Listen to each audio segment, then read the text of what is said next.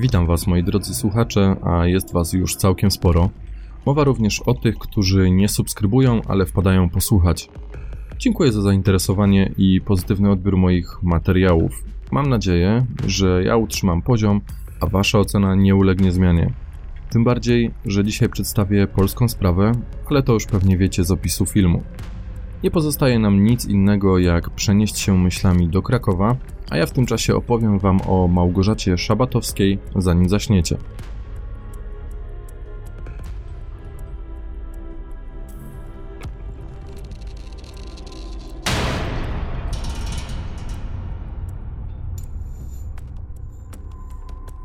Na przełomie 2010 i 2011 roku krakowianie mieli kilka powodów do zmartwień. W tamtym czasie miały miejsce tajemnicze zniknięcia kobiet. Nie wszystkie zostały rozwiązane. Skupimy się na wydarzeniu, które miało miejsce jesienią 2010 roku i jego następstwach. Pozwólcie, że przybliżę Wam postać Małgorzaty Szabatowskiej, byłej pracownicy krakowskiego oddziału jednego z banków. Bliscy opisywali Małgorzatę jako spokojną, sumienną i systematyczną kobietę. Podobno omijała imprezy, była raczej domatorką i utrzymywała kontakty z wąskim gronem znajomych. W tamtym czasie kobieta nie była w związku. Mieszkała samotnie na osiedlu Kurdwanów, gdzie udało jej się niedawno zakupić własne cztery kąty. Małgorzata pochodziła z Cieszanowa na Podkarpaciu, a do Krakowa przyjechała w 2005 roku, już po ukończeniu studiów w Warszawie. Do nowego mieszkania przeprowadziła się w październiku 2010 roku jako jedna z pierwszych lokatorów. Miesiąc później wciąż część mieszkań była pusta. Do innych dopiero wprowadzali się jej przyszli sąsiedzi. Jak wspomniałem, Małgorzata ma wąskie grono znajomych. Między innymi przyjaciółkę Magdalenę, z którą pracowały w tej samej placówce banku.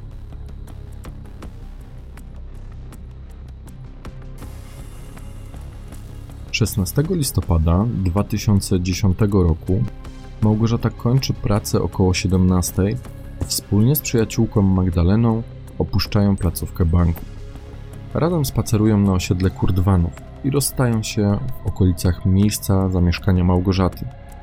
Kobieta powiedziała przyjaciółce, że musi jeszcze pójść do sklepu po zakupy. Później, w trakcie śledztwa, jeden z pracowników pobliskiej budowy zezna, że widział ją tego dnia około godziny 18. Prawdopodobnie była wtedy w drodze po zakupy, ale źródła nie podają konkretnej informacji na ten temat. Następnego dnia Małgorzata powinna pojawić się w pracy. Jednak, co bardzo dziwi przełożonych, kobieta nie stawia się w banku, a do tego nie zgłasza nieobecności. Współpracownicy zaczynają się martwić, ponieważ to do niej niepodobne. Nie uspokaja fakt, że nie odbiera ona połączeń od pracowników banku. Zapada decyzja o odwiedzinach, aby sprawdzić, co się dzieje z Małgorzatą. Przełożeni proszą o to Magdalenę, ponieważ przyjaźni się z nieobecną pracownicą, a na dodatek ma komplet kluczy do jej mieszkania. Magdalena po pracy udaje się do mieszkania przyjaciółki na Kurdwanowie. Pamięta dobrze, że dolny zamek w drzwiach zacina się, więc Małgorzata zawsze zamyka na górny. Kiedy okazuje się, że tym razem jest zupełnie odwrotnie, zaczyna się niepokoić. Wchodzi do mieszkania i sprawdza pomieszczenia, ale nie znajduje w nich swojej przyjaciółki. W kuchni widzi natomiast nierozpakowane zakupy i pozostawiony talerz z niedojedzoną zupą. Dziwią ją też pozostawione buty, płaszcz i czapka, w których to rzeczach kobieta zwykła wychodzić z domu w ostatnim czasie. Wszystkie niepokojące fakty i nietypowe dla Małgorzaty zniknięcie, bez uprzedzenia bliskich, doprowadzają do zgłoszenia sprawy na policję.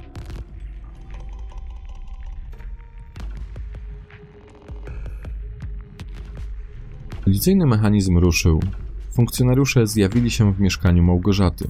Dokładnie je sprawdzili, używając m.in. lamp UV. Na miejscu przepytali również Magdalenę, która nie zapomniała wspomnieć o górnym zamku w drzwiach. Stan mieszkania sugerował śledczym, że zaginiona kobieta opuściła je nagle, w pośpiechu. Raczej nie planowała tego wyjścia. Niedojedzona zupa, pozostawione części garderoby, których o tej porze roku nie powinno być na miejscu po wyjściu Małgorzaty oraz nietypowe dla niej zamknięcie drzwi. Śledczy przyznali, że to niepokojące, ale dodali też, że to za mało, by podejrzewać popełnienie przestępstwa.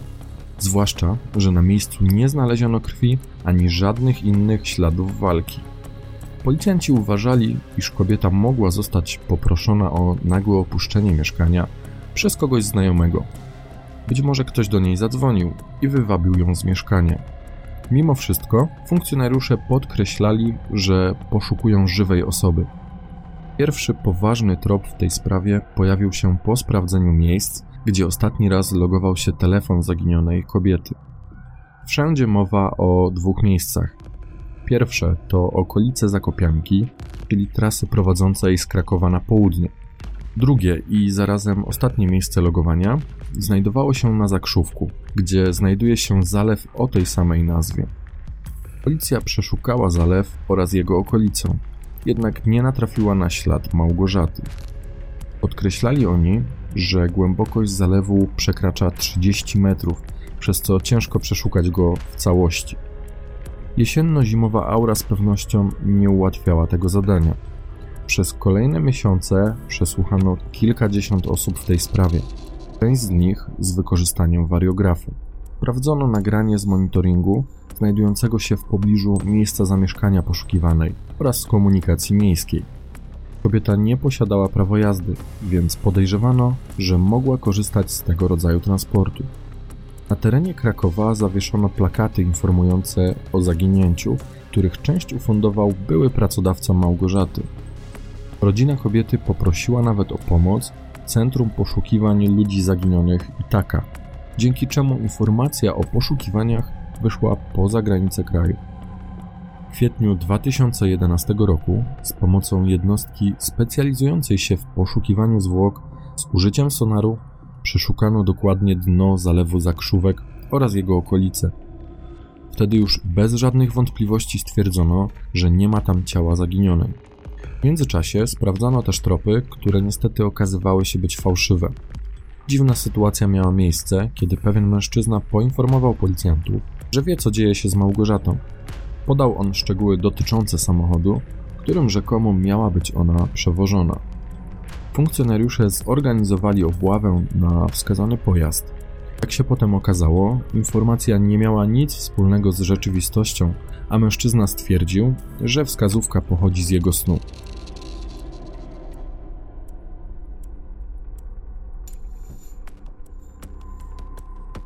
Mieszkańcy Krakowa zaczęli spekulować ze względu na zaginięcie trzech kobiet w przeciągu niecałego roku.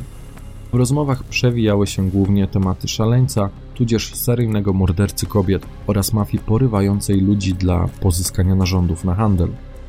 Pierwsza możliwość wynikała z podobnego wieku kobiet i elementu łączącego. Wszystkie trzy zaginione nosiły okulary. Druga była ewidentnie efektem wybujałej wyobraźni jej twórcy. Ciała dwóch kobiet znaleziono w wodzie i nie brakowało w nich narządów.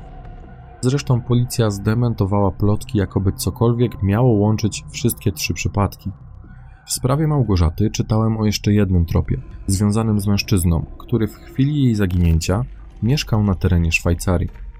Obydwoje mieli być związani emocjonalnie, ale przemilczę szczegóły na ten temat, gdyż podczas przygotowań do tego materiału nie natrafiłem na nic konkretnego. Może oprócz tego, że policja korzystała z pomocy prawnej z tego kraju. Ostatecznie śledczy nie potwierdzili tego tropu. Sprawdzono też pewnego bezdomnego mężczyznę, który pojawiał się na krakowskim Kurdwanowie. Podobno Małgorzata pomagała mu, kupując co jakiś czas jedzenie. Przesłuchanie tego człowieka nie wniosło nic do poszukiwań. Na początku października 2011 roku prokurator podjął decyzję o umorzeniu śledztwa ze względu na brak postępów w tej sprawie. Tłumaczył on wtedy: Wiem, że to najgorsza sytuacja dla rodziny, bo nie wie, co się dzieje z krewną, ale musieliśmy podjąć jakąś decyzję, bo postępowanie nie posunęło się ani o krok.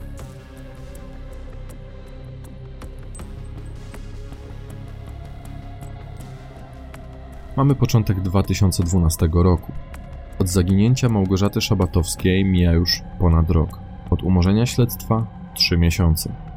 O ile na początku sprawy śledczy dopuszczali możliwość odnalezienia kobiety żywej, po tak długim czasie skłaniali się ku teorii o morderstwie. 2 stycznia 2012 roku udało im się wreszcie zlokalizować ciało na posesji w podkrakowskiej wsi Liszki. Trafiłem na dwie różne informacje na temat mężczyzny, który je odnalazł i wskazał funkcjonariuszom. Pierwsza mówi o przypadkowym przechodniu lub lokalnym zbieraczu złomu, który trafił na zegarek Małgorzaty oraz jej czaszkę. Początkowo mężczyzna zdecydował się zabrać zegarek i nie zgłaszać znaleziska. Czasem jednak ruszyło go sumienie i zgłosił się na policję. Oddał zegarek i wskazał funkcjonariuszom właściwe miejsce. Druga informacja opisuje właściciela posesji, na której zaginiona kobieta została zakopana. Miał on podobno znaleźć wspomniany wcześniej zegarek, a potem chwalić się znaleziskiem przed wszystkimi. W efekcie o zegarku dowiedzieli się również policjanci i odwiedzili znalazcę. Mężczyzna zwrócił zegarek i wskazał miejsce, gdzie go znalazł. Bardziej prawdopodobna wydaje się być pierwsza wersja, ponieważ przewija się też informacja o opuszczonej posesji, co raczej wyklucza udział w historii jej właściciela. Niezależnie od y, tożsamości mężczyzny, liczy się efekt. Był to koniec niepewności rodziny Małgorzaty, przynajmniej po części, bo bliscy wciąż nie wiedzieli, co wydarzyło się feralnego dnia. Śledztwo zostaje otwarte na nowo.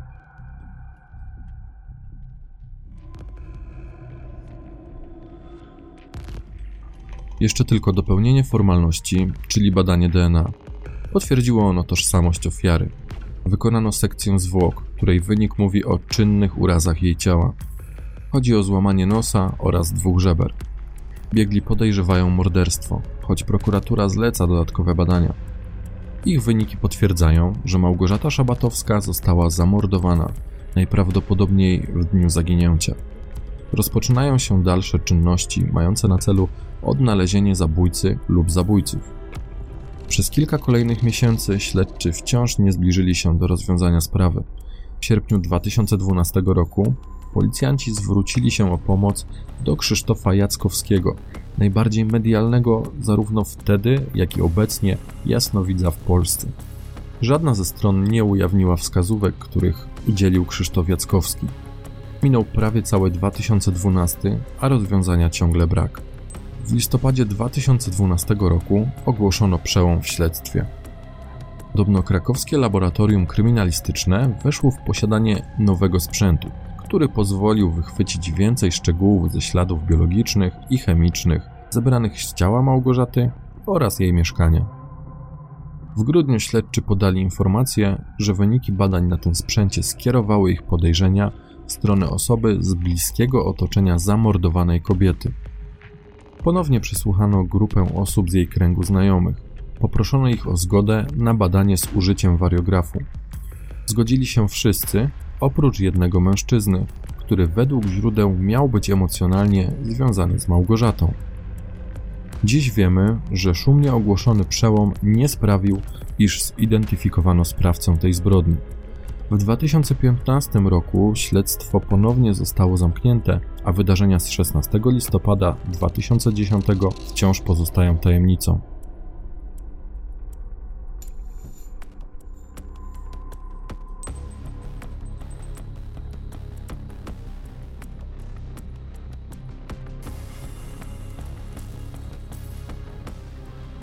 To wszystko, czego udało mi się dowiedzieć o tej sprawie. Jeśli ktoś z Was posiada jakiekolwiek informacje, proszę, aby skontaktował się z lokalną jednostką. Pamiętajmy, że rozwiązanie sprawy jest ważne przede wszystkim dla rodziny ofiary, która z pewnością na nie czeka. Dzielcie się również ze mną opiniami na temat przygotowania materiału, ewentualnie ocencie mnie odpowiednią łapką pod filmem.